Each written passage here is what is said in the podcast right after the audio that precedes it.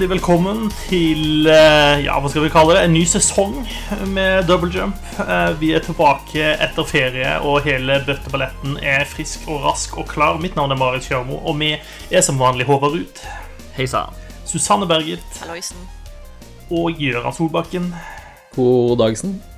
Vi her rister løs i hele gjengen. Eh, hvordan går det med dere eh, post eh, koronasommer 2020?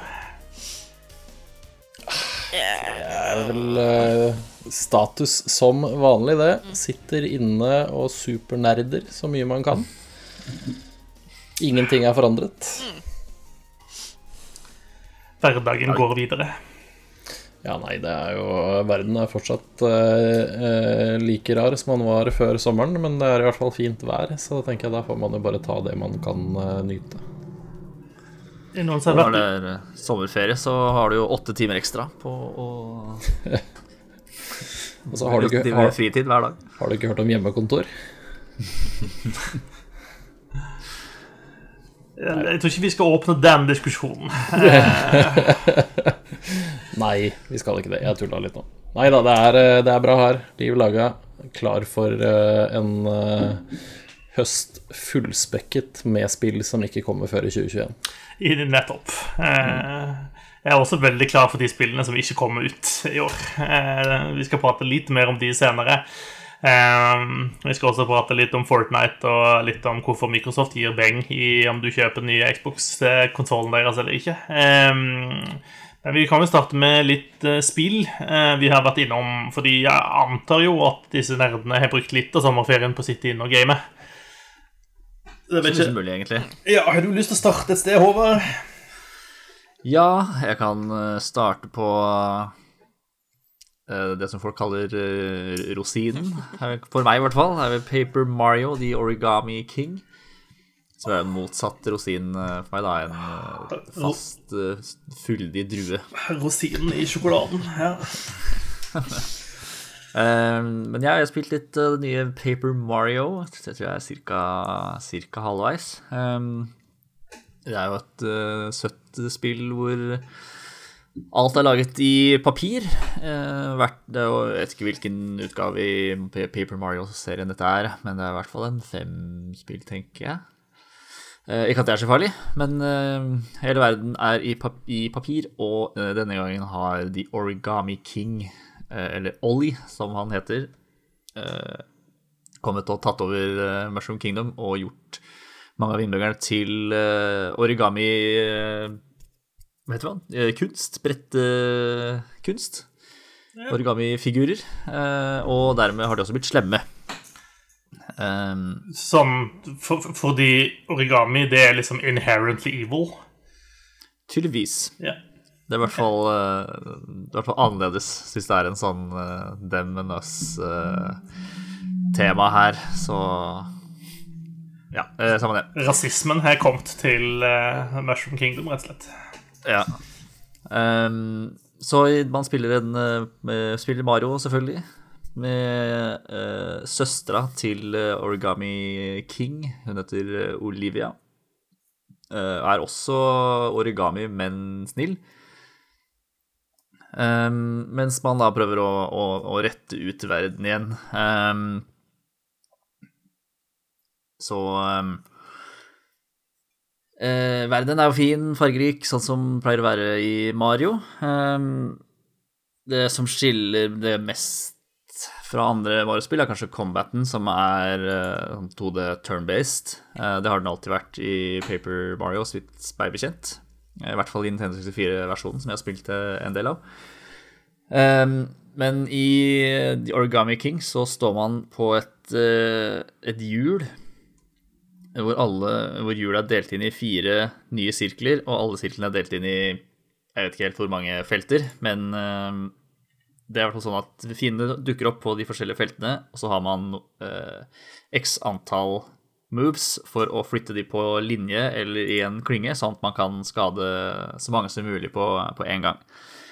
Eh, så det er litt hjernetrim da, før man får eh, kan begynne å hoppe på på fiende. Og eh, det er sjelden det er veldig vanskelig å få lina opp de, de figurene. Det er noen ganger så ser man rett og slett ikke løsningen. Men man kan alltid eh, bruke mynter da, som han har plukka opp, eh, til å kjøpe seg mer tid. Um, så det er fortsatt ikke en uh, er det er én jeg ikke har fått til, men da er det pga. Uh, noen boost, uh, for de blir usynlige. Så man må huske hvor de står og sånn, da blir det litt for mye for meg. Um, så har man to forskjellige angrep i praksis. Enten kan man hoppe på fiendene, eller så kan man slå dem med hammer. Um, fiender som man har lina på en rekke, vil man hoppe på. Fiender som står i en klynge, to, to ganger to, de vil man slå med, med hammer. Så kan man få Eh, både sko og hammere som gjør mer eh, skade, i tillegg til at man kan plukke opp items som Fireflower og en sånn Tanuki-tail og Pow-blokker og sånn, som er litt forskjellig. Um, og så er uh, I hvert fall historien er så langt at uh, slottet til Peach er surra inn i noe sånn gavetrådaktig greier. Um, så man må gå da i, hvert, i alle hjørnene av Mushroom Kingdom for å bekjempe en boss og ødelegge den uh, tråden. Og de bossfightene er uh, litt annerledes, fordi der kan du Der står bossen i midten, og så må Mario bevege seg i, gjennom de feltene i, i sirkelen og inn til, til, bossen og finne ut hvordan man skal skade bossen, da, for det er ikke alltid like rett fram som bare hoppe på og, og slå de. Um, så sjøl om eh, kampene kanskje blir litt ensformige, så er det mye sånn utforskning man kan gjøre i, i verden. Det mye sånn kriker og kroker hvor, eh, hvor det ligger eh, toads som har forvilla seg, som har havna under en stein, eller som har blitt forvandla til et insekt som du kan slå med hammeren din, sånn at de blir retta ut, og så redder man de da, på en måte. og de kan man kan man liksom kalle på i, i, kamp, for de sitter liksom på tribuner og tribuner rundt hele arenaen og ser på og heier og hoier og Så kan man trykke på Y, tror jeg det er, for at de skal hoppe ned og kaste eh, For å rette Løse koden for deg, eller gåta for deg, eller og skade fiender litt og, og sånne ting. Um, så jeg syns det, det er bra humor i spillet som og det er veldig um, Ja, man har liksom alltid lyst til å se hva som skjer rundt neste sving, da. Så de er flinke, alltid flinke til å liksom variere områdene man er i og sånt. Det er jo er det jo i alle Mario-spill, egentlig. Så jeg koser meg gløgg så langt. Det er godt å høre. Vi er ca. halvveis brukt 20-25 timer, tenker jeg. Så det, de pleier å være ganske lange, de Paper Mario-spillene. Så det er god uh, good value for the money. Det et uh, må ha-spill på konsollen? Eh, kanskje ikke må ha-spill. altså Anerkjenner jo at det ikke er for, uh, for alle. Hvis uh, turbasert combat er det aller dølleste du kan tenke deg, så er det kanskje verdt å spare de pengene, eller bruke de pengene på noe annet. Hvem er disse menneskene som uh, syns at turbasert combat er det dølleste? Det er De må vi ta en alvorsprat med, føler jeg. Altså, ja. De kan jo bare ta seg en fest på vestkanten, og så kan de bli smitta, alle mann. wow. Harsh. Ja, nei, altså, det er, det er mye, mye sånn småkamper, da. Men uh, heldigvis så blir man sterkere, sånn at man kan, uh, når man går tilbake for å Eh, hvis man er litt completionist, så man går tilbake til tidligere områder, så kan man uh, hoppe på fiendene og, og, drepe de uten at du må liksom inn i hele den kampsekvensen. Da. Så um, det er mulig å slippe. Uh, mange kan også bare løpe unna. Det er uh, mange fiender som er bare sånn rundt i verden som prøver å ambushe deg, eller som det er lett å bare unngå. Mm. Men, eh, men det, er et, eh, det, er et, gøy spill. Jeg syns det er eh, De Toadsene særlig sier mye morsomt. Olivia som er med deg og hjelper deg, er også tidvis ganske morsom. Litt sånn irriterende i starten når alt skal forklares. I hvert fall én, om ikke to, kanskje tre ganger. Så blir det litt mye dialog, kanskje, sånn til å begynne med. Men etter hvert så går det, går det mye bedre, og man møter litt hjelpere som er eh, morsomme, og mye, mye bra dialog, da. Ja, men så bra. Ja, det, det, er jo en Ikke det er en litt sånn meme-greie at en del Nintendo-spill holder deg vel, veldig mye i hånda i, i begynnelsen. Jo, det er kanskje det. Jeg ser på deg, Navi. Hei! Hello, hey. Eh, listen. Mm. Eh, ja, er det, er det Paper Mario det har gått i eh, i sommer? Ja, for det meste, eller sånn utenom det vanlige. Um, uh, Overwatch og World of Warcraft. Uh, men ellers så har jeg også fått prøve meg litt på Skater XL, Hva er det for noe? som um, Det er et nytt skatespill som uh, har vært i Early Access en stund, ehm, men som nå ah, Hva er det de utviklerne heter? Easy Day ICD Studio? eller noe sånt heter de. Eh, Så nå mener de nå at det er klart, eh, og et ferdig produkt, eller til den grad spill er ferdige eh, når de lanseres i disse tider. Det skal jo utvikles videre og fylles på med innhold og nye brett og nye klær og nye skatere, sånn kanskje, sikkert. Um, Nye hatt, da. Nye hatter, det håper jeg jo. Jeg, ikke, jeg har ikke sett noe bøttehatt der, så det er jo Skatespill uten bøttehatt? Hva Nei, vet du hva. Én av ti. er Ternekast to. Ja, ternekast to, ja. åpenbart åpenbart eh, forbedringspotensial, da. Uh, men det er ikke bare pga. Mangel, av manglende bøttehatt. Um, fordi um, eh, da Skate-serien kom um, Husker ikke når det var. 2008 eller 2009, der omkring. Så fikk man jo Introduserte introdusert i et system der hvor du liksom styrte brettet med høyre stikke. 2007. 2007, ja. Ok. Yes. Uh, Skater XL, og i likhet med Session, som er et annet skatespill som fortsatt er Early Access, der får, styrer du høyre fot med høyre stikke og venstre fot med venstre stikke.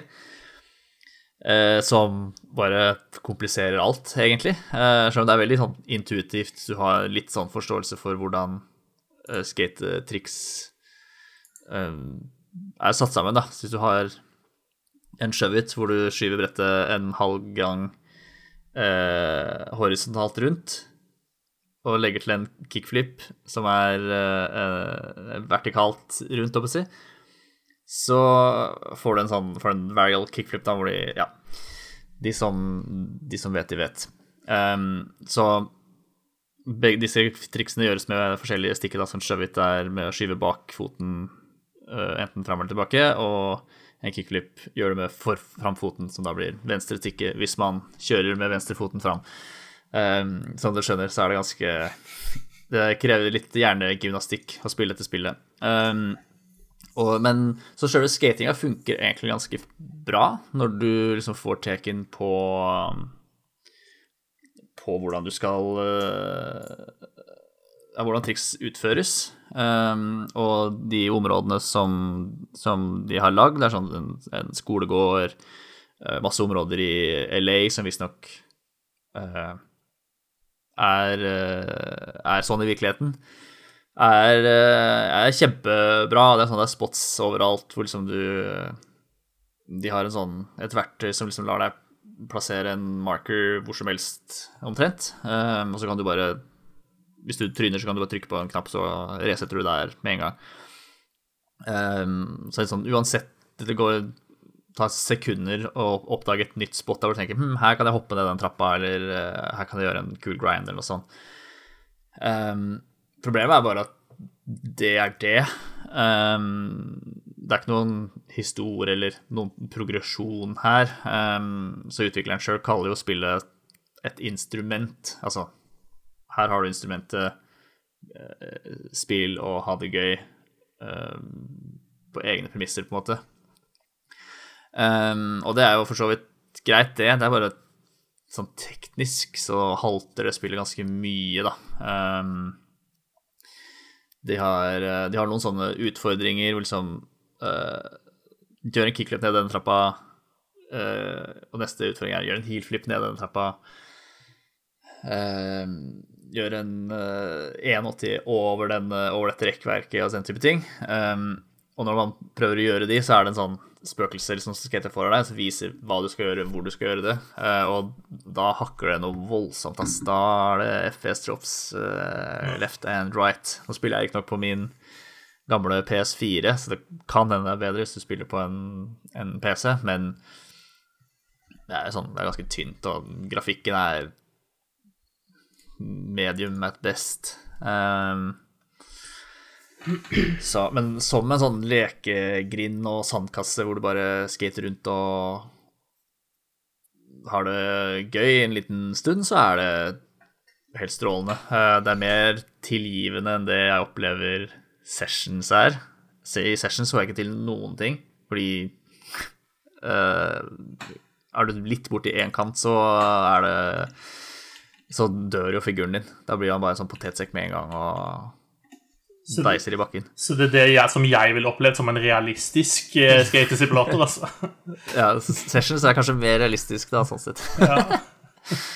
Ja, altså Jeg vet ikke om Skater XL eller Sessions for den sakens skyld liksom er den skatespillrevolusjonen vi har venta på. Ikke at vi nødvendigvis venter på en revolusjon heller, jeg tror jeg vil bare ha mer skate, egentlig.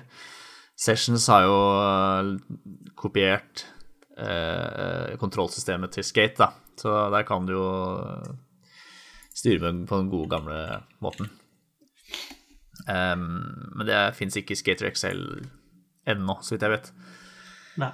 Så vi får nå se. Um, jeg skal egentlig anmelde Skater XL for gamer, og jeg kan vel avsløre at det blir ikke noen kjempe kjempekarakter. Um, først og fremst på grunn av hvor, hvor dårlig teknisk det er, liksom hvor lite innhold det er, i anførselstegn. Um, all den tid det skal liksom ikke være innhold, men det blir litt sånn traust å bare rulle rundt i lengden. Ingen god kandidat der, altså. Eh, Det er jo annonsert at det kommer et nytt skate eh, på et eller annet tidspunkt. Det er det. De har jo annonsert såpass, men det spørs om det er et stykke ned i veien. Vi fikk ikke vite mye, akkurat. Nei, annet enn at de gleder seg eh, til å lage Ja. skate igjen. Og det kan betyde på at det er en stund til nå, ja. Ja, vi gleder oss også. I hvert fall jeg, og, og sannsynligvis Gøran. Ja, det, det bifalles. Ja. Gøran er jo gammel skater, så Yes. Jeg er gammel. Gammel skater. Med, med vekt på gammel her først, først og fremst. Mm, litt, litt yngre skater. Ja, litt yngre skater. Ja. Så er det jo ikke så lenge til Tony Hawks eh, Pro Skater 1 pluss 2 kommer. det ser kult ut, da. Det er en uh, drøy måned, tror jeg, eller eh, der omkring. Stemmer det? Det går an å finne ut av det. Ja. De spill, spillet kommer med, det, med de originale soundtrackene pluss nye låter. Ja, 4. Ja, det- september kommer det. ja, det er jo ikke en måned til engang. Det det er to uker. Ja, det gleder jeg meg også veldig til. Eh, Av det jeg har sett, så ser det ut som de har eh, De er inne på noe. Er, Ja, det ser ut som de bare Det ser ut som de lager spillet bare penere, og det er vel akkurat det man Ja. vil ha. Ja, det er nøyaktig det man vil ha. Eh, Jeg er bare litt sånn bekymra for eh, fysikken. For fysikken i Tony Hawk's Pro Skater 5 så veldig wonky ut. Eh, Men hvert på Reddit og det store, vide internett så er- virker det som folk er fornøyd med den demoen som, som er ute. En demo som jeg skulle spilt, men jeg, av en eller annen grunn så kom jeg ikke forbi tittelskjermen. Nei. Så er det litt synd, for det er en sånn introvideo som eh, sånn, Eller en vignett, eller hva man skal kalle det. Som liksom presenterer alle skaterne som er med, som er alle de gamle fra de tidligste Tony Hawks Pro Skater-spillene, pluss noen nye. Eh, sønnen til Tony Hawk, blant annet. Det sånn, gjorde meg superhype. Var sånn sånn, dette er jo grunnen til at jeg begynte å skate en gang i tida, liksom. Fordi alle de kule klippa Så kom jeg til tittelskjermen, og så kom jeg ikke videre. Det står sånn trykk A for å fortsette, og så trykker jeg A på kontrollen min, og det, jeg ser at spillet registrerer at jeg trykker, men det blir ikke, blir ikke tatt videre. Så Kanskje det er en slags barnesikring, og du bare har feila den. ja. Altså, jeg har prøvd litt forskjellig år, så er det sånn trykke og holde inne, jeg har prøvd å trykke enter på tastaturet. Eh, jeg sitter og venter at liksom, sangen som spilles i bakgrunnen, er over. Ja. Så i Epic Game Store da, så står det at jeg har spilt i Eller spilt den demoen i 27 minutter og 19 sekunder. Men det er bare jeg som har sittet og sett på tittelskjermen og, og den introvideoen et par ganger. Ja, de har fått opp hypen for det, da, i det minste. Så Ja da, ja da jeg Finish gira the fight Tales of Terror. eh, 2020. Så her, eh, Så ja da, jeg er, eh, jeg er gira på det. Jeg er veldig spent på det. det spørs om du jeg får spilt prøvd demoen da, før sjølve spillet er ute. Ja, det Gjenstår å se. Så lenge spillet er bra, altså. Det var jo tight, så bare det. Som, som jeg kan huske det, i hvert fall. Fra gamle dager. Jeg vet jo ikke, jeg har jo ikke gått tilbake og spilt de spillene på lenge, så jeg vet ikke godt de holder seg, de heller. Men uh, minnene er i hvert fall gode.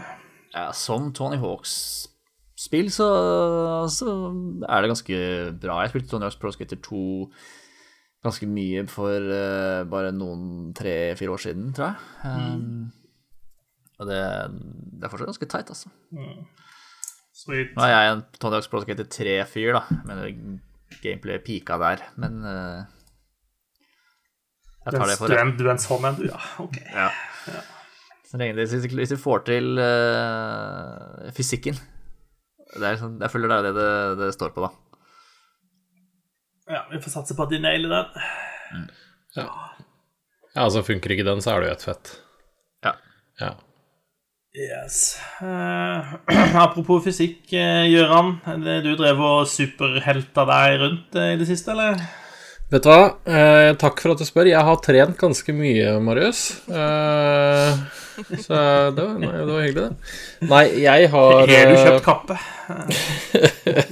No capes. No capes. Jo, jeg har, eh, som mange andre, testa Marvel Adventures-betaen som var i helgen. Det var vel også forrige helg, for så vidt, for de som hadde eh, forhåndsbestilt på PlayStation. Men eh, denne helgen så åpna de også for PC. Så det har jeg spilt noen timer. Um, der Jeg har lyst til å si at det er en kommende helg, så er det på PlayStation. Gratis spill. Ja, kommende, ja, da er det vel åpent for alle, på, Ja. men bare på PlayStation, kanskje? I hvert fall på PlayStation. I hvert fall på PlayStation, ja. Eh, jo, det har jeg spilt. Nei, den har jeg spilt uh, ferdig, hele, hele betaen, sånn at man liksom ikke Det var ikke så mye mer å hente der. Og fikk en sånn Gratulerer, du har fått eh, epic nameplate, eller hva det var, jeg husker ikke. Et eller annet. Um, der spiller du Altså, det starter egentlig med den sekvensen som man har sett x antall ganger på den brua som raser, og man eh, spiller seg gjennom eh, de forskjellige veldig kjente heltene. Så du får prøve alle, liksom, lite grann. Ja, du får kjenne litt på hvordan alle er. Du eh, spiller som Thor og Hulken og Ironman og Black Widow og, litt eh, Cap også. Eh, og så, når den sekvensen der er ferdig, så kommer du liksom inn i det Jeg tror det er liksom bare fortsettelsen på historien, eller om det er noe imellom, det vet jeg ikke når det kommer, men da er du i hvert fall Da er du hun Kamala Khan, eller Miss Marvel, som hun heter, og, og Bruce Banner, da, eller Hulken. De to gjør du noen oppdrag med eh, før du låser opp flere av heltene etter hvert, da.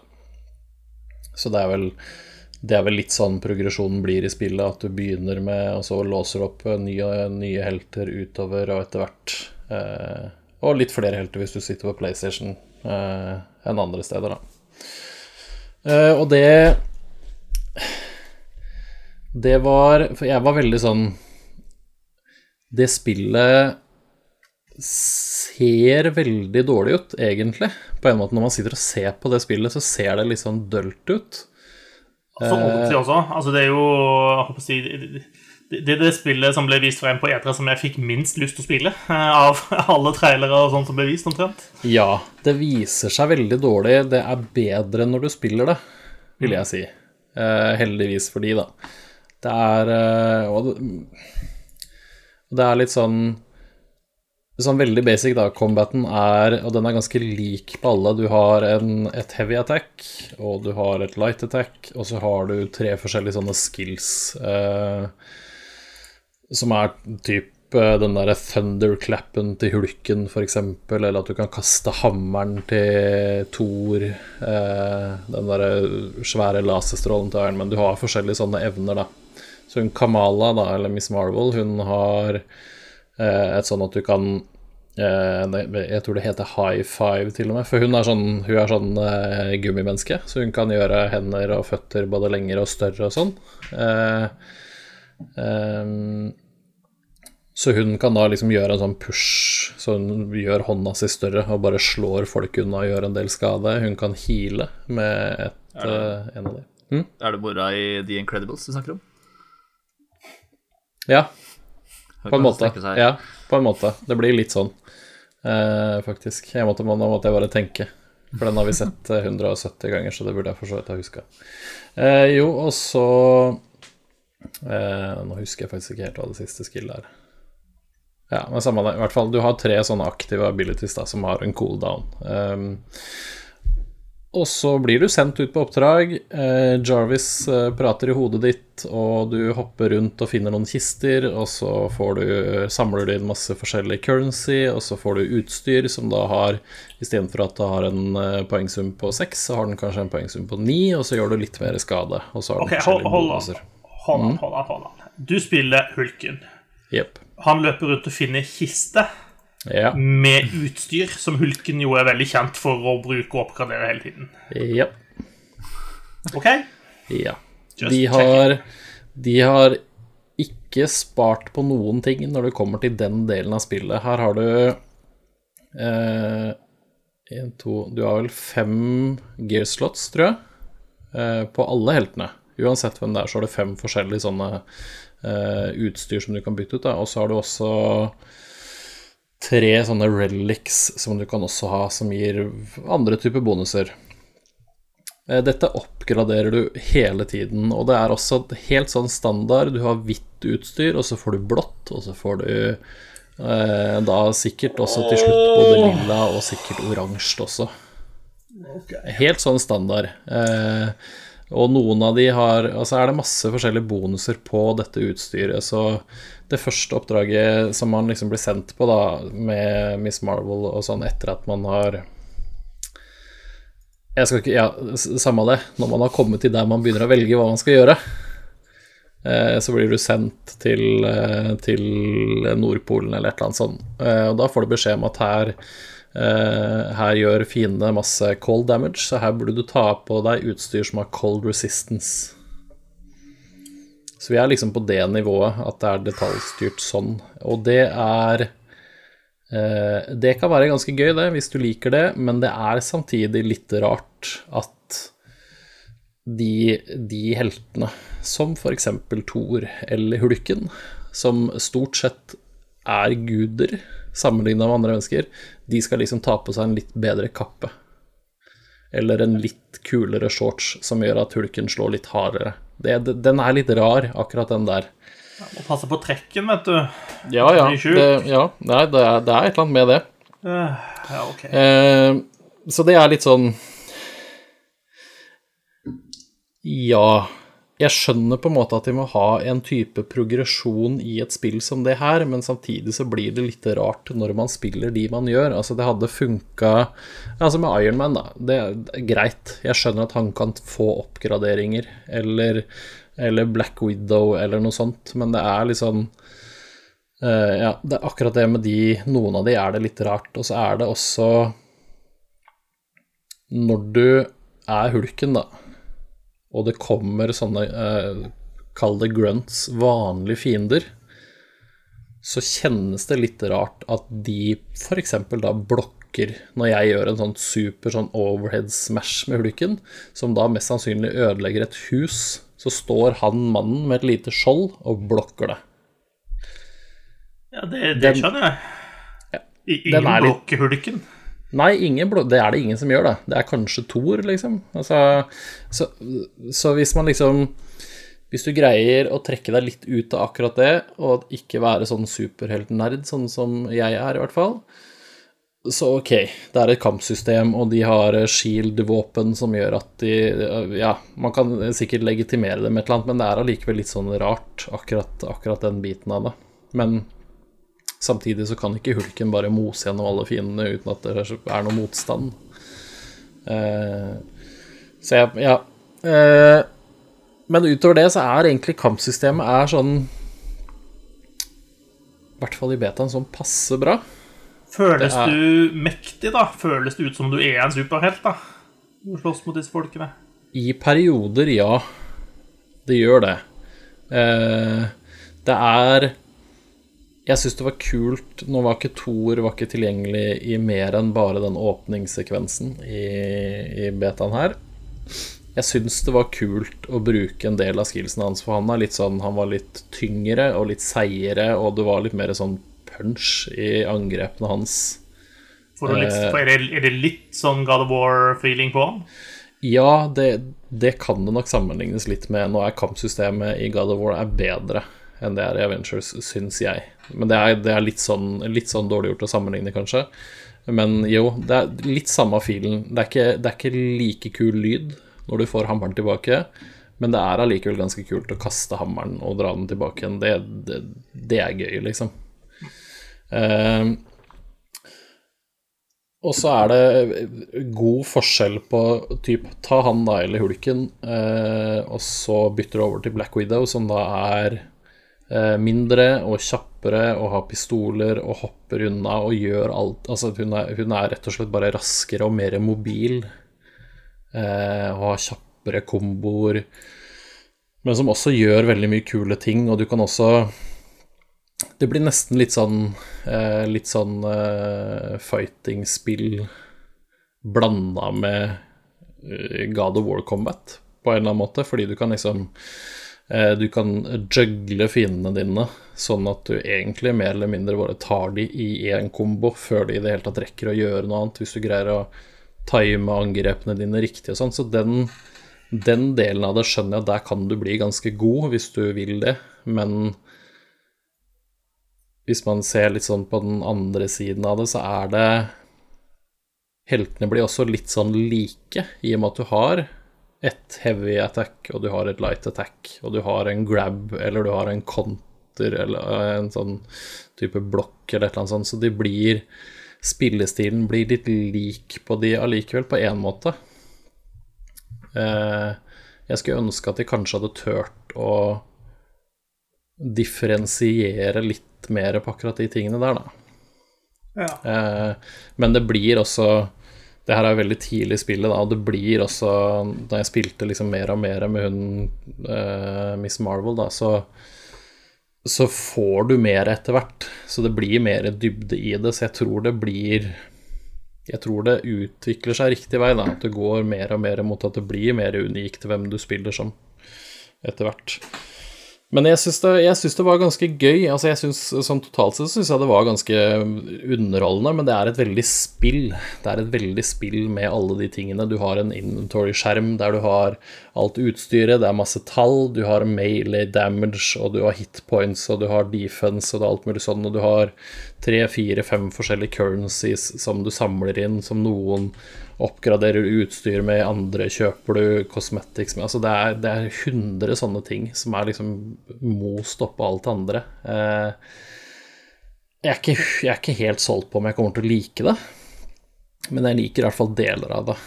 Eh, og så syns jeg Jeg syns storyen begynner bra. Jeg syns eh, stemmeskuespillet og, og det er naturlig nok bra med alle de folkene som er med der. Eh, og så syns jeg historien virka det virka ganske gøy, da, i hvert fall første, de første timene som jeg spilte nå. Så jeg, jeg, jeg syns ikke det umiddelbart var dårlig og teit. Så jeg håper kanskje at det kan være gøy å følge den også eh, videre. Så jeg er mer positiv etter å ha spilt det enn før jeg spilte det, men eh, det her blir ikke årets beste spill. Det, da gjør de veldig mye på veldig kort tid her før, før release. For det er, det er, mye rart å ta tak i her. Og Eh, masse, masse rot med bugs, og jeg eh, måtte, måtte familiedele og bruke spillet på en annen Steam-konto for å komme meg videre, sånn at jeg fikk launcha spillet. For ellers så sto det bare hang på en sånn eh, e-post som skulle sendes ut, og det her var en sånn kjempestort problem for mange. Så Kanskje det du skulle prøvd for hvis du skulle spille Tony Hawk? Det, Det høres ut som en uh, mulig løsning. Ja, for da ble jeg bare stuck. Da, jeg, da skrev jeg en e-posten, og så trykka jeg på send, og så skjedde det ingenting. Nå på den ene kontoen, og så logga jeg ut, delte biblioteket med en annen Steam-bruker, gikk inn der og launcha spillet, og kom rett inn. Ja, Forstå, forstå det den som kan. Eh, jeg gjør ikke det. Men eh, sånn eh, Ja, jeg kommer til å spille når det kommer. Jeg er ikke noe Jeg, ikke, jeg sitter ikke på nåler, men jeg er litt sånn skeptisk optimist, eller noe. Altså, dette er et spill som de, som, som jeg har skjønt, de tenkte å lansere på en måte en rekke nye helter liksom underveis etter hvert. Ja, og det er litt rart. Ja, det føles jo kanskje litt pussig. Eh, kanskje enda mer pussig er det jo at de har annonsert at Spiderman kommer eksklusivt til PlayStation-versjonen av spillet. Ja. Og, jeg, altså, jeg, jeg skjønner jo at her er det noen rettigheter og sånt som er inne i bildet, men Det er bullshit, da. hvor, Ja, eh, takk for at du sier det. Det, det er jo bullshit. Det er jo kjempebullshit. Ja, ja, er du gæren. Det er kjempebullshit. Det er ordentlig teit. Og så skjønner jeg ikke helt Jeg skjønner ikke helt hvordan de har tenkt at det her skal funke, for du gir Altså, det her er jo et coop-spill, ikke sant, og du kobler det Det er Si at det er, det er som Destiny, da, ikke sant. Du velger et oppdrag, trykker på launch, og så blir du kobla sammen med tre andre spillere. Men det blir aldri to av den samme helten. Nei, så hvis alle vil spille Hulken, så, så blir man ikke matcha sammen. Ja, hvis alle spiller Hulken, så blir du stående i den queuen veldig lenge, eh, eksempel. Og hvis jeg da syns at eh, Miss Marvel fortsatt er den kuleste når spillet kommer, og jeg spiller som hun, eh, helt fram til da Hawkeye kommer, for det har det vel bekrefta, tror jeg, at Hawkeye kommer litt lenger frem i tid, så tenker jeg når han kommer, så kommer alle til å spille han. Hvis jeg da queuer opp, så er det litt sånn Hvordan har de tenkt å løse de greiene der med at da Da vil jo alle spille som den nye fyren, og Men hvordan vil det da være Starter man på nivå én igjen med hver eneste figur, eller drar man med seg erfaringspoeng videre? For det gjorde man ikke i Demon. Når jeg spilte som hun Kamala, så var hun level 7, 8, 9 Jeg husker ikke helt det. Mens Hulken stoppa på to eller tre. ja, for du må, du må levele opp hver enkelt helt. Ja. Ja, så det er litt sånn Ja, det er litt sånn, det er litt sånn rare ting her. Eh, Jeg tror det er en del av de, de designvalgene og de systemvalgene som kommer til å ødelegge en del for det som kanskje kunne ha vært et ganske kult spill, da. Eller at de kanskje har valgt feil sjanger, rett og slett. Kanskje det ikke skulle vært et type Destiny-spill i det hele tatt, det her. At det rett og slett ikke funker som det. Jeg veit ikke. Men det- det er jo det- mye enklere å selge ting i sånne spill. Ja, det er, og det er så mye kosmetiske ting du kan kjøpe her at du vil ikke tro det. Det er så mye Og og det er så mye sånn stæsj. Uh, ja, herregud. De kommer til å melke Avengers for alt det er verdt. Kan jeg få bøttehatt på Hulken? Det hadde vært innmari kult. Da har jo ikke vi noen grunn til å ha Game of the Year-sendinga for 2020. Nei. Nei. Da blir det en egen kategori, i hvert fall. Det kjenner jeg. Ja. Er ikke det en kategori? Årets bøttehatt? Jo, men vi må lage en ny en hvis du får Hulken med bøttehatt, tenker jeg. Nei da, så det er, eh, det, er, det er et litt sånn rart spill, vil jeg si. Eh, jeg tror jeg kan like combaten med, med noen, og så tror jeg kanskje ikke jeg liker det med andre. Eh, det, blir, det blir veldig spennende å se. Jeg tror det her blir et sånn shitshow av en annen verden når det kommer. Jeg tror det blir server issues, og det blir, det blir så mye kødd når det kommer. Eh, men jeg tror kanskje jeg kan finne noe glede i det, fordi det bare er eh, Det er et sånn type spill som man setter seg ned med og bare spiller, uten at det krever så mye, tror jeg. At, jeg, at man liksom Hvis jeg legger bort alt det kritiske i meg, så kan jeg sikkert ha det litt gøy med det. Det høres litt ut som du beskriver Anthem, bare med karakterer man bryr seg om. Altså, ja Nå blir jeg litt lei meg hver gang folk eh, er litt eh, jeg, jeg, er, eh, jeg ser på disse YouTube-videoene om Anthem 2.0. Eh, ikke daglig, men ganske ofte. Mer enn jeg burde. Og håper i det lengste at det spillet blir bra en gang. Men det, det kan hende det blir et sånt spill til. At det er, det er et ganske dårlig spill, men jeg koser meg med det allikevel. Ja. Right, den som lever, får se. ja. Miss Marvel er kul, i hvert fall. Det, hun er en kul figur. eh, og eh, kult, eh, kul stemmeskuespill og kul stil. Så det var morsomt å spille som hun, syns jeg. Og masse kul dialog med hun og, med hun og Bruce Banner, i hvert fall. Jeg må, jeg må spørre om én ting til. Altså, De har jo brukt så lang tid på å sette opp Marvel Cinematic Universe, og vi har blitt så vant til liksom, hvordan utseendet er på disse. Hvor, hvor, altså, tar det lang tid før du blir vant med at Thor ikke ser ut som skuespilleren som spiller Thor, på en måte? Nei, det, det går egentlig ganske greit. Nå har jeg eh, Nå har jeg også lest en del av tegneseriene og sånn, så da er det jo mer Det er jo mer likt noe av det enn det er av, av filmene, for så vidt. Men det er litt sånn Det er litt sånn rart med en gang. Eh, det kan hende det er derfor de putter hun eh, Kamala der såpass tidlig, for hun er helt ny.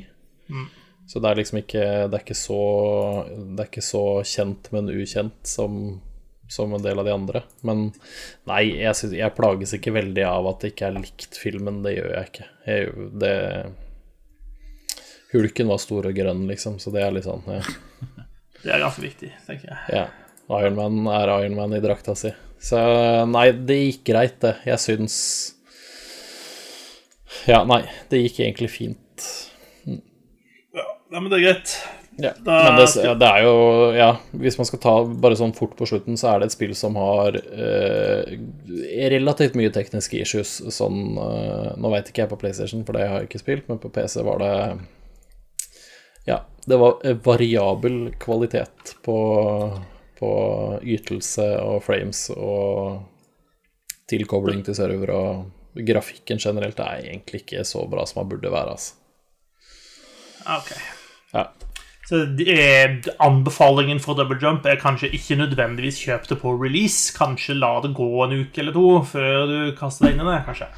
Jeg blir svært overrasket hvis de greier å slippe det spillet her uten at det er minst et par dager hvor du mer eller mindre ikke får kobla til.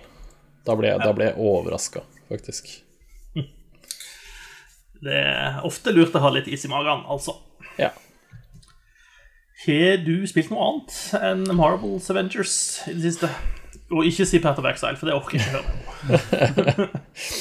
Jeg har spilt Path of Exile, jeg har det. Eh, men eh, av andre ting så Nei, hva har jeg spilt i det siste som jeg ikke Det er ikke noe som man ikke har prata om, ikke noe nytt og spennende sånn, eh, sånn sett, egentlig. Jeg har spilt kubb. Det er vel eh, faktisk I en alder av 40 så er det første gangen i, i hele mitt liv at jeg har spilt kubb. Er det sant? Ja, ja. Ja da. Hvordan gikk det? Jeg, altså, jeg vant jo, da. Det Selvfølgelig. Selvfølgelig. Selvfølgelig. Eh, og så har jeg spilt sånn eh, er, det, er det Hva er det heter det? Du, du stabler sånne klosser oppå hverandre. Dytter ut en kloss, legger den på toppen. Jenga? Heter Jenga. Ja. Det også er, har jeg spilt for første gang eh, i en alder av nesten 40. Yes. Der vant jeg ikke. Ja, Jenga er et spill med forbedringspotensial. Ja, det syns jeg var gøy. Jeg har kost meg. Ja. Ja, men Du koste noe... deg når du tapte Jenga? Ja, ja, ja. Det er kjempegøy, det. I alle dager. Ok. Så lenge jeg ikke taper i noe som eh, Noe sånn eh, litt mer fysisk, som f.eks. å kaste pinner på pinner, så er det greit. Da hadde jeg ok. blitt mer sur hvis jeg tapte i kubb. Jeg skjønner. Ja. Så det. Ellers så har jeg Jeg har sett Ter på Terningkast på kubb. Er femmer. Femmer. Ja. Ja. Ja. Jeg har sett på Altered, Altered Carbon eh, på Netflix. Den veit jeg at eh, det er noen her på denne podkasten som har anbefalt. Eh, og den er skikkelig kul. Har du sett sesong én eller to? Jeg har sett sesong én og er i gang med sesong to. Okay, kult. It's good shit. Det burde En være- anbefaling, altså. Ja, den var kul. Det burde jo være en lov mot å se ut sånn som Joel Kinnaman gjør, men det er for så vidt greit. Det burde Jeg skal vært la det en, lov om at alle så sånn ut, så spør du meg. Ja, altså ja, det, det, det spørs helt hvordan man vrir det. Men uh, for en som ikke ser sånn ut, så burde det være en lov som forbyr sånne. Men uh, uh, nei, den er kul. Den er, den er Ja, den er kul er vel egentlig det, det beste ordet på den. Cool. Ja. Nei, da er vi ferdig. Ja, men det var jo ikke verst. Du har fått tid til både det ene og det andre eh, i sommer. Så Jeg håper du har tatt en is også. Åh, det er minst to om dagen. Den Det er ikke så mye kinamann på, kinamann på med to is om dagen. Nei, det er, det er litt av problemet ligger der. Det har jeg på en måte innsett, men så har jeg samtidig tenkt at ah, den isen er god, ass. Det er sant. Sixpack is, sixpack is, da blir det is. Det blir en ekstra En strafferunde med kubb eh, etterpå. Det. ja.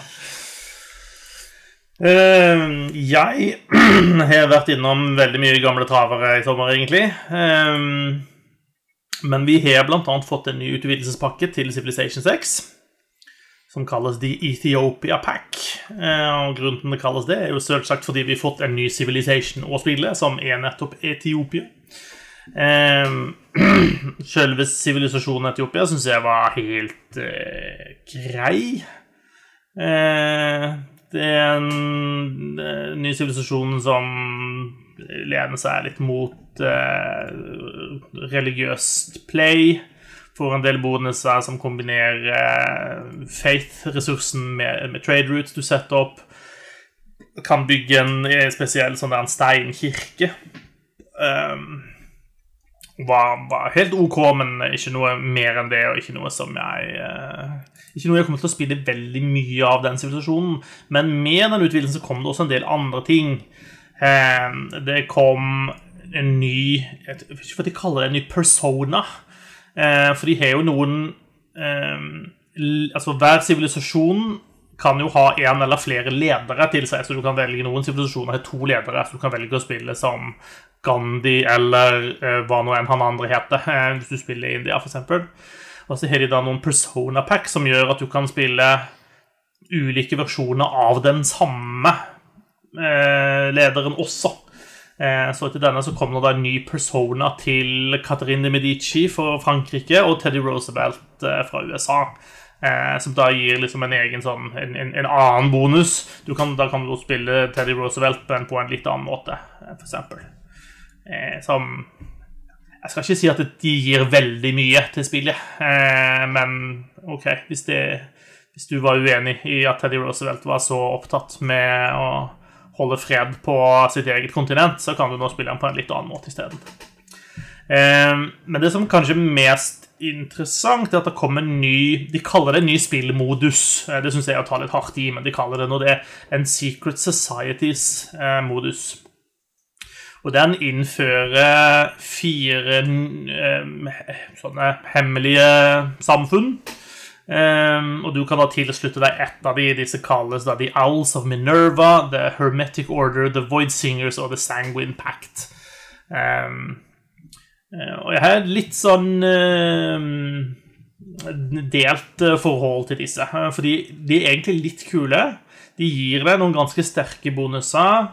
Um, og de bygger liksom opp litt sånn eh, lagmessig i diplomatien også, fordi de som en, støtter den samme hemmelige societyen, eh, de på en måte får litt sånn bonuser til å være venner, eh, og så får de litt eh, grunn til å være fiender med de andre. Men samtidig så er det også litt sånn Det er så mange som tror at sånne ting faktisk eksisterer. At jeg syns det er en litt sånn bismak på å liksom bygge opp Civilization basert på at det egentlig er en sånn hemmelig world order som egentlig sitter og drar i tråden og styrer alt, på en måte. Eh, det, kan, det er nok bare min personlige greie, men jeg syns det er Ja, det er litt sånn jeg er redd at flere skal begynne å tro på disse tingene bare fordi at man normaliserer det på denne måten. Eh, samtidig som det er gøy og artig med sånne ting i fiksjon. Så ja eh, Litt sånn dualistisk forhold til akkurat det. Eh, men sånn, hvis man bare ser på de i spillet da, og glemmer at det finnes en virkelighet utenfra, så er de egentlig litt kule. Eh, og eh, det, det, som er litt dumt med de, er at når du, du velger de helt fra starten av, og da vet du ikke helt hva du går til, på en måte. Eh, de, de, de, du låser opp på en måte nye lag av de for hver age eh, du avanserer gjennom. Eh, og du vet ikke hva de bonusene er på forhånd, med mindre du som enhver rasjonell person går på internett og leser deg opp på dette i forkant, selvsagt. Um, Eh, og, og, det vil jeg også anbefale å gjøre, fordi de lener seg i veldig ulike retninger. Så det er veldig dumt hvis du har tenkt å spille på en måte Du har tenkt å spille med, med å legge styrken din på religion, f.eks., så er det en av de som gir ganske mye bonus på det, men så har du valgt en annen en, og det funker jo dårlig. Det er en av de som er litt sånn, nesten litt sånn Kutulu-aktig, for øvrig, som driver og worshiper sånne rare, skumle greier og sånt. Eh, og så er det lagt til noen nye bygninger og eh, et nytt distrikt som er en sånn diplomatic quarter, eh, som gir litt mer bonuser i, retning diplomati og sånt. Eh, det skal sies da til Secret Societies-biten altså Nå føles det veldig som at eh, dette spillet er egentlig ferdig. Når de produserer ut noe nytt innhold som, som passer veldig inn i de allerede etablerte buksene i dette spillet. Så hele den Secret Societies-biten har de på en måte pressa inn i I en feature som allerede er i spillet, som er denne guvernør-featuren. Uh, hvor den egentlig ikke passer kjempegodt inn. på en måte Det, en sånn små, det, betyr ikke veldig mye i det store og det hele i spillet, men du får liksom en litt sånn følelse av at uh, dette, dette, spillet er egentlig ferdig. Og nå, nå sitter de på en måte med med planker og, og spiker og hammer og bare snekre på litt utapå det allerede eksisterende eh, frameworket her. Eh, så det går helt greit, men det begynner å bli litt bloated på den måten, sånn at eh, Ja. Jeg vil bli overraska om det etter denne sesongen kommer veldig mye mer, da. Det vil kanskje nærme seg vel kanskje tid til å jobbe med det neste spillet i serien, kanskje. Hvis ikke de allerede holder på med det. Muligens. Maybe, maybe. Jeg skal ikke se bort fra det. Nei. At de allerede har begynt med det. Nei, det eh, Ja. De holder sikkert på med mye gøy i Fire Axis om dagen, håper jeg.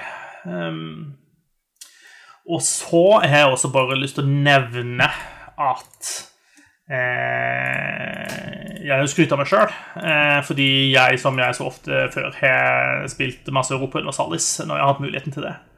Eh, og jeg hadde en liten achievement run med Østerrike og klarte å fullføre en perfekt Østerrike-game. Eh, og fullførte det østerrikske oppdragstreet. Eh, og fikk den achievementen eh, som bare 0,2% av alle EU4-spillere har. Så det er veldig fornøyd med det sjøl og klapp på skulderen til meg. Det er gøy. Yeah, det var veldig artig. Det var en fin screenshot å legge ut på EU4-chatten min, for å si det sånn. det burde jo spres i eksterne kanaler også, ikke bare interne.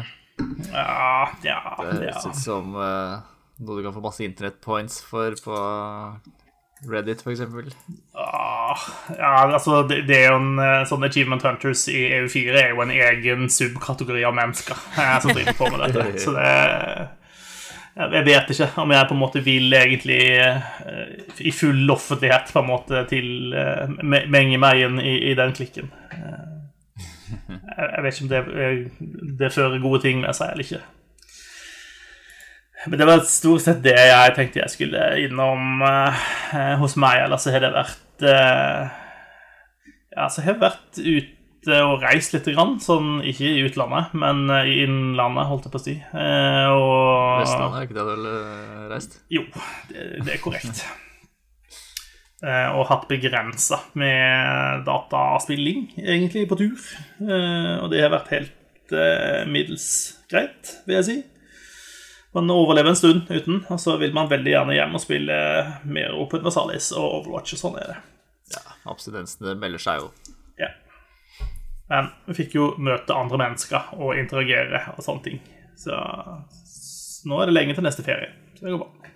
Ja. Eh, hva med deg, Susanne? Nei, her i leia så har det gått mest i kabal. Jeg fikk, jeg fikk han nesten til å gå opp her om dagen. Eh, Det, det er ikke noe som å vinne kabal. Nei, eh, det, er et, det er et gammelt skytespill som heter Kabal, skrevet med C. Det kunne jo vært det du hadde spilt. Ja, og kabal er jo også en fiende i Destiny-spillene. nettopp. sant? Eh, nei, eh, vi har meg og min samboer har peisa oss gjennom Halo 1, 2, 3 og ODST. Oi, det hørtes ut som litt av en sommer. Eh, ja. Eh, det eneste jeg kan si sånn egentlig om de spillene, er at de ikke har holdt seg veldig bra. Ja. Eh, jeg vil nesten gå så langt som å si at jeg kanskje hater de litt. Og syns det er helt jævlig å spille det. Det var da voldsomt. Eh, Det, det var harsh.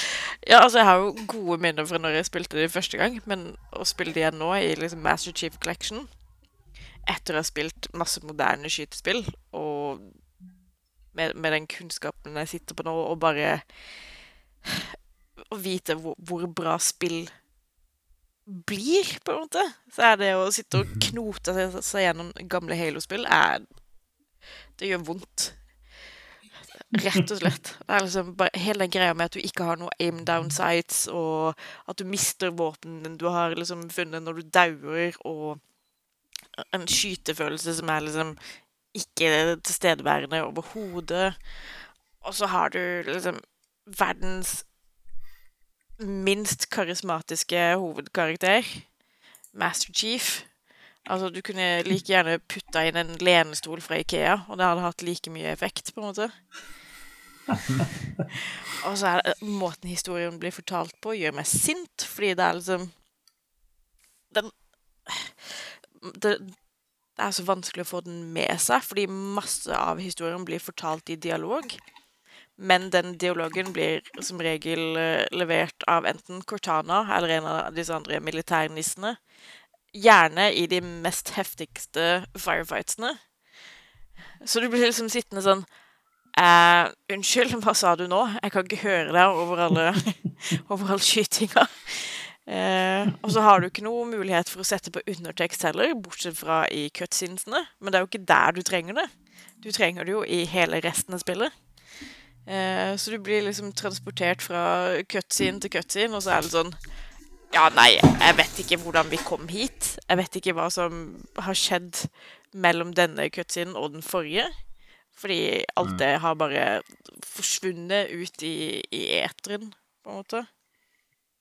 Mm. Og så er det Klippinga er veldig rar, spesielt eh, i Halo 2, hvor cutscenes bare går rett i svart uten at de, den egentlig er ferdig. Eh, og i treeren så er det veldig tydelig at de egentlig ikke har hatt nok innhold til å fylle et helt spill, på en måte. Eh, så de har, på, de har tydd til enormt mye backtracking. Eh, alle nivåene er type OK, du må løpe inn denne plassen, og så skal du finne et eller annet drit, eller snakke med en eller annen fyr, eller eh, skyte et eller annet pff, et romvesen. Who the fuck cares? Eh, og når du har gjort det, så må du løpe hele veien ut igjen. Eh, og så innimellom så får du evig lange kjøresekvenser som bare kan brenne i helvete. Eh, Akkurat den bilkjøringa i Halo, den er ikke noe jeg savner. Jeg Den bilen den håndteres dårligere enn den Batmobilen på syre. Liksom. ja, altså alle kjøretøyene i Halo er bare sånn derre hva, hva slags fyllekjøretøy er dette her? Det, altså, det tar seg litt opp i ODST, fordi der har du faktisk karakterer eh, som har personligheter, og som man bryr seg litt om. Man har jo tross alt Nathan Fillian som en av hovedkarakterene. Ja, men Cortana Cortana kan du få billig av meg. Eh, um, men også der så, så bærer jo hele preget spillet av Eller hele spillet bærer litt preg av at de ikke har nok historie til å liksom fylle et helt spill. Så der er det også mye Det er mye backtracking, og så er det har de valgt å fortelle historien på en måte som er litt sånn Litt krim noir. Eh, men den karakteren som forbinder alle de forskjellige små historiene sammen, han er dritdøll, og alt han gjør, er liksom gå fra eh, en bydel til en annen bydel og skyte Covenant, men alle bydelene ser helt like ut. Og så må du drive og gå rundt og leite etter et eller annet beacon, men det beaconet kan være hva som fuckings helst. Uh, og du får ingen indikasjon på at liksom dette er den tingen du ser etter. Så du må liksom gå og saumfare både gatene og bygningene og uh, himmelen, for den saks skyld. Fordi det kan være at bikene henger fast i en strømledning eller et eller annet sånt piss. Og så tar du på denne tingen, og så blir du du som spiller transportert til historiene til en av lagkameratene dine, da, og så finner du ut av hva de har drevet med frem til det punktet Eller noe sånt piss. Uh, ja, altså, jeg, jeg, jeg brydde meg mer om historien i ODST enn jeg gjorde i de andre tre spillene, men også der ga jeg opp på et sånt tidspunkt. og var sånn, Bare la meg skyte noe drit, og så bli ferdig med det faenskapet. Jeg er litt enig, egentlig. at uh, Jeg syns ikke de er sånn kjempeflinke til å fortelle historie i Halo-spillene. Jeg har spilt uh, midtveis de tre er omtrent, tenker jeg nå, uh, på nytt. Um, og sjøl om jeg har spilt Halo 3, jeg har spilt mange ganger, um, men jeg vet likevel ikke hva historien her egentlig er. Altså, jeg var overbevist om at jeg hadde spilt alle tre. Mm. Og så spilte vi treeren, og så var jeg litt sånn ja, nei, jeg husker ingenting av det her. Jeg tror kanskje ikke jeg har spilt dette spillet likevel. ja. Altså, det selv om jeg har spilt det ganske nylig, så kan jeg liksom ikke si hva historien er. Nei. Og det er ikke de store linjene engang. Men, men er det Altså ikke, ikke det noe som ligger litt i en del sånne skytespill sånn fra den æraen cirka der, de ti årene der, holdt jeg på å si, at eh, story var ble satt i baksetet, for å si det mildt. Eh, og det handla om skyting og gjøre gøye ting i lag, på en måte. Ja, men samtidig så er liksom historien er jo en av de tingene som har blitt skrytt så opp i skyene når det kommer til Halo. Men av hvem? Av Halo-fanboys. De teller jo ikke. Altså, du vil jo sikkert hevde at historien i Destiny er fabulous, men det vet jo alle bare bullshit. Jeg vet ikke hva så... historien i, i, Destiny er. Altså, altså uh, Det er en fyr som heter uh, Bife, som har lagd en, en uh, et sammendrag av historien i Destiny så langt. og den videoen varer i fire timer. Gud bedre. Og det var liksom før den nye sesongen og den nye expansion eh, begynte. Så ja, nei, jeg prøver å følge med på hovedoppdragene, og så vet jeg hvem skurkene er, og så vet jeg hvem de snille er, sånn cirka. Nå er det litt sånn tvil om hvem som er på hvilken side. Eh, og så gjør jeg bare det jeg blir fortalt. Eh, og dette er jo så klart Bungie, så det er kjempeoverraska over, over, at det er sånn det er. Men uh, i det minste så er Destiny gøy å spille sammenligna med Halo. Men du har allikevel pressa deg gjennom da fire spill i Halo-serien i sommer? Ja, og jeg kommer jo til å spille fire og fem også. Bare fordi jeg hater meg selv, I guess. Uh, Håper du koser deg med samboeren din, da, håper jeg. Ja. Lide i lag, det er viktig. Ja, ja, altså, det, er, det, er, det, er, viktig. Det er veldig gøy å spille sammen med min samboer. Spesielt når det er et spill vi begge ikke syns er spesielt bra. Så vi sitter jo bare og prater piss, egentlig. Um, og har våre egne stemmer og lager vår egen historie til hva som egentlig skjer i det spillet. Åh, ikke det høres så gøy ut. Så det blir litt sånn uh, Mystery Science uh, Theater 3000 bare for spill. Jeg vil anbefale dere å sette opp en livestream eh, på et eller annet tidspunkt på dette her. Deles med flere. Ja, jeg syns, kanskje vi må få til det, ja. Men ja, jeg kommer jo til å spille fire og fem også, fordi jeg er spent på å se hva som skjer i det liksom, skiftet mellom Bungie og 343 Industries. Eh, og liksom litt mer moderne spill med bedre tech og, og hva de får til. Eh, og så har jeg jo planer om å spille Halo Infinite også. eh, på et eller annet tidspunkt. Eh, Når det kommer. når det kommer. Eh, jeg vet ikke helt hvorfor ennå, men det er bare Det er bare en sånn trang, antar jeg. Fordi jeg eier en Xbox, så er jeg sånn Ja, ja, men da må jeg jo spille Halo. That's what it's there for. Ja. uh, ja, men det, jeg vet ikke. Det er det, det er et prosjekt, det er noe å, å drive med mens eh, koronaen herjer. Ja, gjør noe kjedelig mens koronaen går. Det, det er en anbefaling for WM. I det minste så er ikke Master Chief Collection så svindyr, da, så du får masse i en pakke. Ja, ja, altså, det er mye spill for pengene. Det er det. Absolutt. Eh, så jeg har ikke noe, noe vondt å si om Master Chief Collection sånn sett. Bortsett fra at alle spillene er teite, og jeg hater de. Men selve samlinga er bra. Eh, jeg tror vi går videre ifra å pisse på stakkars eh, Master Chief. Eh, er det noe annet du har spilt i sommer? Stop it, stop it, he's already dead.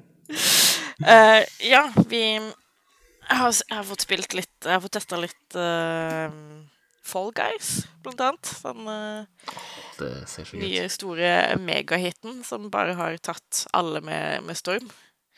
Uh, noe jeg ikke tror de utviklerne var helt forberedt på, for de har jo hatt masse serverproblemer. Eh, men når man først kommer i gang og får spilt, så er det hysterisk morsomt. Det er liksom uh, Gangbeasts møter Wipeout møter Takeshis Castle. Uh, og det er alt du trenger å vite om spillet. Ja, jeg tok ikke alle referansene inni der, eh, men for Guys ser hilarious ut. Det er eh, kjempemorsomt, og det er liksom et perfekt festspill, på en måte. Du samler en, en, eh, en gjeng med venner, og Opptil 60 venner. opptil 60 venner i stua di. Eh, pass på å hoste alle i ansiktet før de kommer inn. Eh, og slikk deg på hendene før du tar på kontrolleren. Eh, og så er dere i gang. Yes. Ja, nei, det er, det er kjempegøy. Det er bare skikkelig kos og teit og utrolig idiotisk og dumt. Men det er, liksom, det er et ekstremt lavterskelspill, så du kan få hvem som helst til å bli med på det.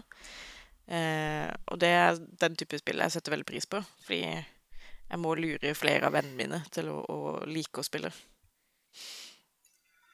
Jeg syns jo det er sympatisk at de på Steam-sida til spillet så står det eh, øverst oppe notice eh, at eh, de undervurderte hvor mange som er interessert i spillet, at eh, de jobber med å få opp serverkapasiteten, men at matchmaking kan være litt opp og ned eh, i de nærmeste dagene. Tror Det er jo fint at de i hvert fall eh, er, er åpne om dette. Ja, men jeg tror det er et større problem på PC enn det er på, på PlayStation. Mm. Eh, fordi vi kom oss inn uten noe som helst trøbbel overhodet. Liksom lørdag kveld. Eh, så, er, så jeg tror det er mye større trøkk på PC, rett og slett. Altså, det er over 70 000 mennesker som har skrevet en review eh, av spillet på Steam. Eh, Ja. så ja, jeg tror det er populært. Så i tillegg til det, så har vi, har jeg prøvd et annet rart lite spill eh, som heter Jeg tror det, var på Switchen, muligens. Som heter Drink More Glurps. Ok, Det- hva er det? Det er òg et sånt Det kan minne litt om Fall Guys, men det er eh, Det har eh, Couch Co- Nei, det er ikke Couch cop. Um, men det er også et spill hvor du har liksom en romvesenrase kommer til jorda, og så ser de at vi holder på med olympiske leker, og så tenker de ja, ja, men dette kan jo vi også få til. Eh, og så lager de sine egne olympiske leker, og så er det bare kjempe-weird og random, og kan minne litt om det her eh, fantastisk idiotiske spillet Hva det het Quop? Nei. Ja, Coop, Ja. ja. Det har litt den samme type fysikk. Eh, når du liksom skal styre karakteren din, og så må du prøve å navigere den gjennom litt sånn hinderløyper og treffe mål og plukke opp uh, baller og putte de i ringer og, og sånne ting. Og det er, uh, det er veldig gøy. Det er kjempeteit. Uh, men Det ser skikkelig teit ut. Yes. Men det er også et sånt veldig bra festspill, da. Som ba- bare spiller for å liksom, ha det gøy, og så ikke tenke noe på at nå skal man være flinke eller prestere eller et eller annet. Det er mer litt sånn nå skal vi kjøtte Tequila og drite oss ut. Eh, men på TV-en istedenfor ute på byen. Ja. Så det er også en sterk anbefaling, altså. Ja, ja, ja. Eh, absolutt. Fall Guys er for øvrig inkludert hvis man har eh, PlayStation Plus Ja, stemmer det. denne måneden. Da er jo det en grunn til at det kan være mye folk som spiller det også på PlayStation. Ja. Hmm. Nei, men så bra. Det høres ut som vi har rukket over litt dataspill i ferien lell, da. Eh, eh, vi, vi har mista Gjøran underveis. Vi satser på at det går bra med han. Eh, vi smekker opp et par nyheter eh, i mellomtida. Eh, Eh, Microsoft har på en måte vært ute og prata litt om eh, Altså er, Det kommer jo snart nye konsoller, og folk er jo veldig opptatt av denne konsollkrigen og Xbox versus PlayStation. Eh, men Microsoft ser jo ut til på en måte ha lagt seg på en litt annen linje denne gangen, og de har sågar vært eh, vel egentlig uttalt seg også, i den grad at de har en, egentlig en annen strategi enn tidligere. Eh, og det er også flere kommentatorer som har vært ute og ment de, disse tingene, da, men nå har også Phil Spencer var eh, gjest i Hva er det det heter? An Animal Talking, eller noe sånt? Dette Ja. eh, talkshowet i Animal Crossing.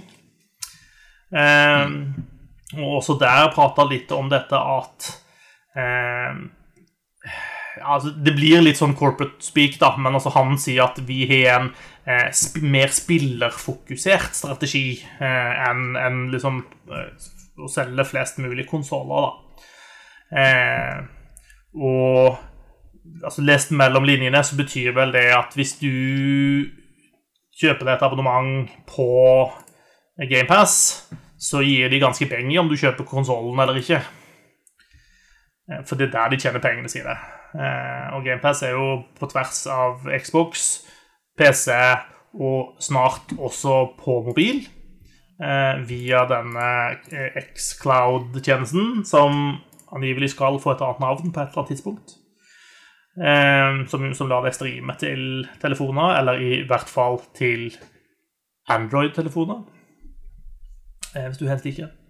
Eh, og altså, hva, hva tenker vi om dette? Det, hø altså, det høres jo veldig fornuftig ut, det Microsoft holder på med. Um...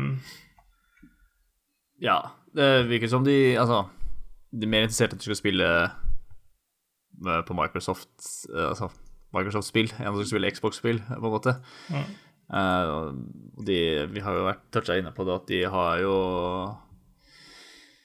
infrastrukturen som skal til for å bygge et økosystem uh, Phil Spencer beskriver. Ja, og det, spesielt dette med Xcloud tror jeg ikke vi skal undervurdere. Eh, for eh, altså, det er noen tall der ute på hvor mye økonomi det er i konsollspill kontra hvor mye økonomi det er i mobilspill. Eh, og konsollspill er liksom en eh, brøkdel, på en måte. Altså, det eh, det er så mye penger i mobilspill at hvis de på en måte får denne streaminga ordentlig til, og de på en måte kan klare å etablere Altså Her handler det jo ikke om å få eh, oss som spiller eh, konsollspill, til å spille disse spillene på mobil. Det handler jo om å få alle disse mobilgamerne til å spille disse spillene eh, mm. på sin mobil isteden. Eh, Og klarer de å ta bare på en måte en bitte liten andel av det, så kommer de til å rake inn masse gryn, for å si det sånn. Ja. Eh, Så, så, så den biten er jo en stor ting. eh, Og der er de jo i konflikt med Apple for øvrig, eh, som jo ikke egentlig ønsker å ha Xcloud på sine telefoner. Apple ønsker jo heller ikke å ha Google Stadia på sin telefon. Eh, De hevder at dette er eh, fordi at de ønsker at eh, AppStore skal være en trygg eh, handleplass eh, for kundene deres. Eh, og at eh, alle spill må på en måte sendes inn til review separat, altså én og én. Og derfor så kan de ikke godta en sånn tjeneste som gir deg tilgang på mange spill som ikke kan reviewes én og én, er vel det de har sagt. Eh, og Microsoft har vel pakket inn i bitte lite grann eh, corporate speak igjen, vært ute og sagt dette er bullshit. Mer eller mindre. Eh, så vi får se hva som skjer med det. Eh, men Xcloud er ikke det eneste som ikke får innpass eh, på Apple-telefoner om dagen. Eh, fordi eh, vår alles favorittspill Fortnite De eh, De la en plan, for, for å si det sånn, hel, helmaks.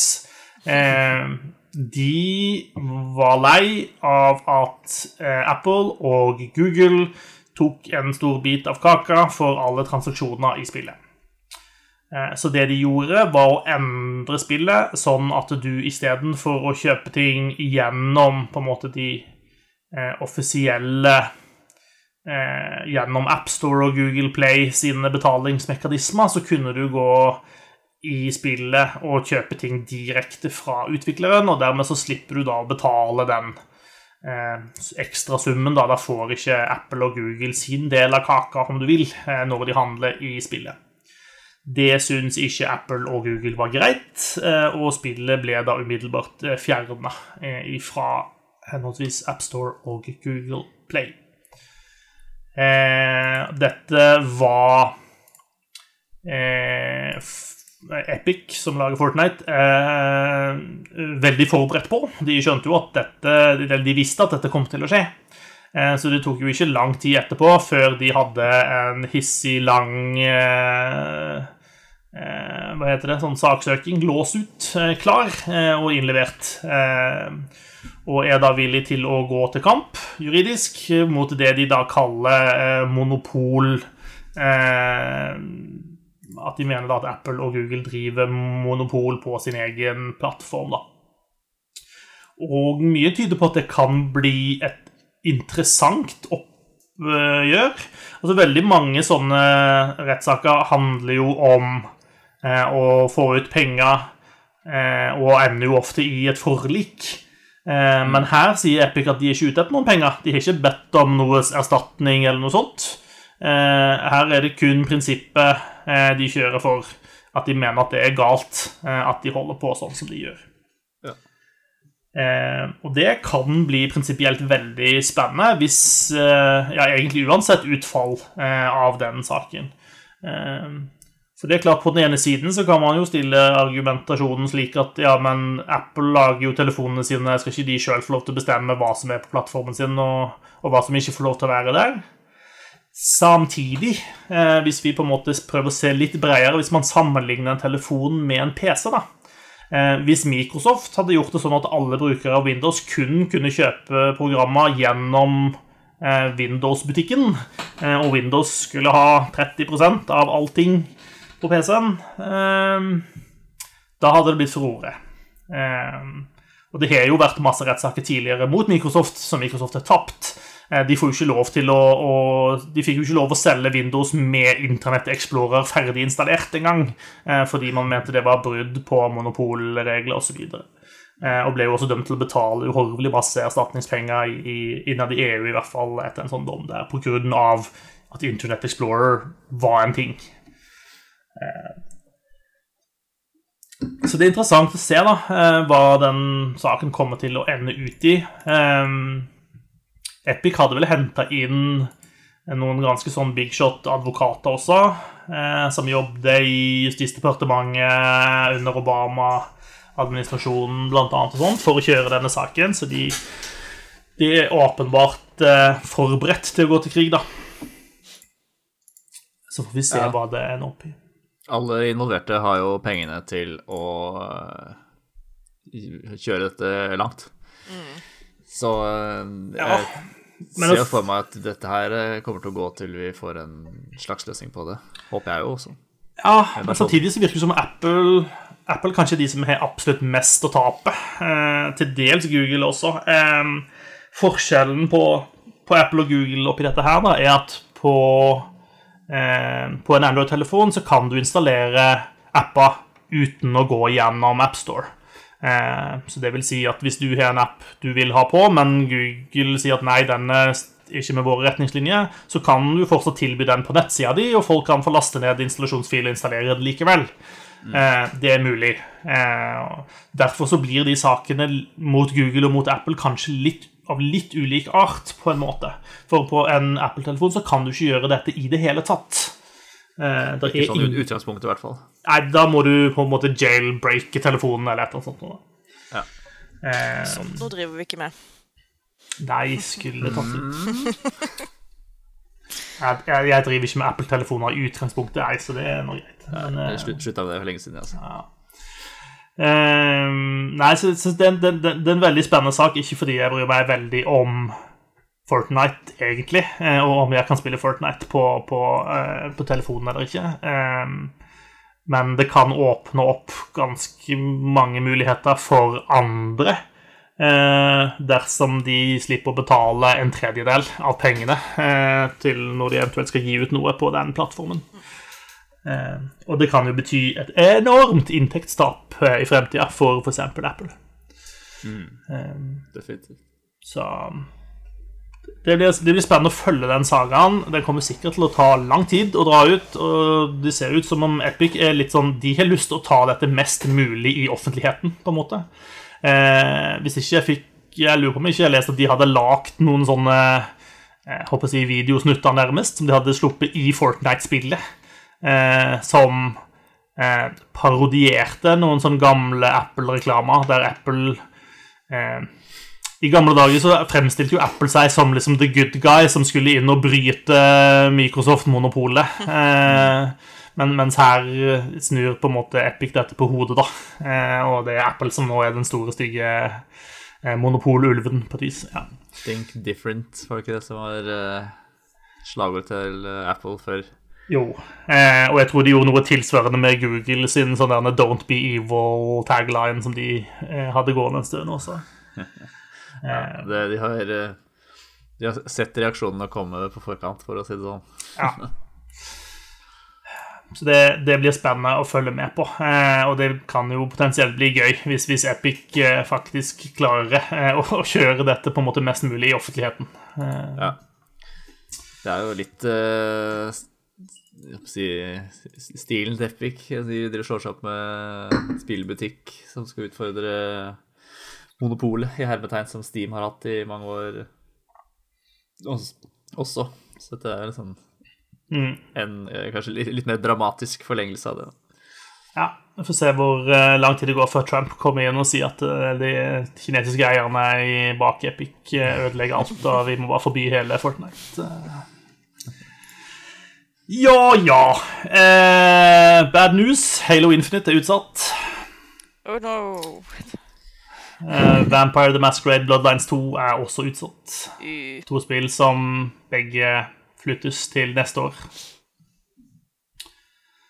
Bloodlines 2 var jo utsatt allerede eh, noen ganger i år, eh, og nå kommer det ikke før til neste år. Og vi har vel heller ikke fått noen ny dato på Halo Infinite, annet enn at det blir til neste år. Jeg tenker for eh, For, for Halo, Halo Infinite er på en måte litt ekstra ille fordi det skulle liksom være eh, trekkplaster for nye Xbox-kontrollen, da. Spent å, spennende å se hvordan det påvirker eh, salget av konsollen sånn umiddelbart. Ja, Det er ikke sikkert det vil ha noe å si, fordi folk vet at det kommer eh, etter hvert. Ja da. Så om du liksom har bestemt at du skal ha en Xbox, så gjorde ikke dette noe. Men eh, jeg vet ikke. Nei, og hvis du gjør sånn som Microsoft vil du skal gjøre, og skaffe deg et uh, GamePass, uh, så får du jo spille uansett når det kommer. Så. Ja. Men det er jo Altså, vi har jo eh, Jeg føler vi har en policy, vi har en linje her i Double Jump eh, på utsetting av spill. Eh, fordi vi nest, om ikke ukentlig, så veldig ofte så omtaler vi jo spill som blir utsatt. Eh, og vi pleier jo som regel å si at eh, det, utsetting av spill er jo for det beste. Det betyr at spillene blir bedre og mer ferdige når de kommer ut, og det er bra for alle. Eh, og det, det mener vi jo fortsatt. Men jeg mener også at dersom Cyberpunk blir utsatt nå, da trykker jeg på delete-knappen på hele 2020. oss. Da, da, kårer jeg 2020 til det verste spillåret noensinne. Eh, og så legger vi det i søppelbøtta, og vi avlyser Goti fordi det er ingen Goti. Eh, og da kan vi bare gå og legge oss til, eh, til nyttårsaften. Just saying. Det høres eh, ut som en fornuftig reaksjon på at et spill blir utsatt. Ja. ja. Enig. Og hvis du tror at jeg overreagerer, så vent og se hva internettmennesker kommer til å mene om den saken. Ja, for jeg synes Den reaksjonen der er jo mye bedre enn å drapstrue noen. Ja, ja, ja. ja for så vidt. Eh. Jeg tar, jeg, jeg tar eh, si, min, min emosjonelle ustabilitet ut på meg sjøl, eh, ikke på andre. Så, hm. Ja, det er sånn det skal gjøres. Yes.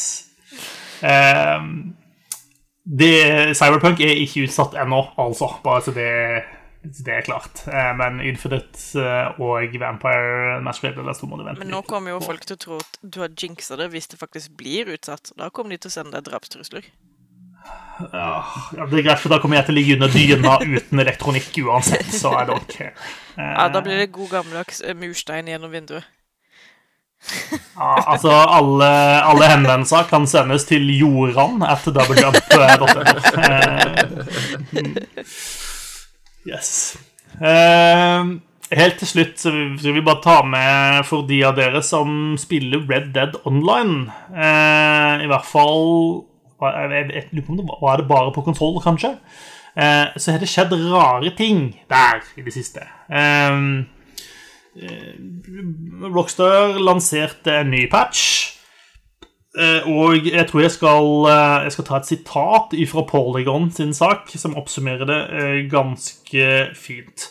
Prior to Thursday, Red Dead Online players had to download an update that made all NPCs and animals disappear, made horses go haywire, made it impossible to shoot, and bizarrely introduced an invincible bald man that followed you around. Og det høres jo litt pussig ut. Jeg syns det høres helt perfekt ut, det. Uh, det, det, det, må ha skjedd noe rart i kvalitetskontrollen der et eller annet sted, tenker jeg. Uh, det virker så veldig mye som ikke funker. Jeg så forresten en eller annen sak nå nettopp om en eller annen sånn patch som gjorde at alle vaktene i Skyrim plutselig gikk rundt uten klær på seg også. Så det, ting kan tydeligvis skje rundt forbi. Ehm, men uh, Rockstar uh, har på en måte prøvd å kaste seg rundt, uh, og har vel endt opp med å trykke på angreknappen og rulle spillet tilbake til, til den forrige patchen. Ehm, sånn at man skal faktisk kunne spille spillet. Så, men for de som har lyst å ha litt sånn uh, se, se, litt hvor gøy ting kan være, så er det uh, mange som rakk uh, å ta opptak og legge ut på YouTube-klipp av denne skalla mannen og alt det gøyale tingene som foregikk i en liten periode i Red Dead Online.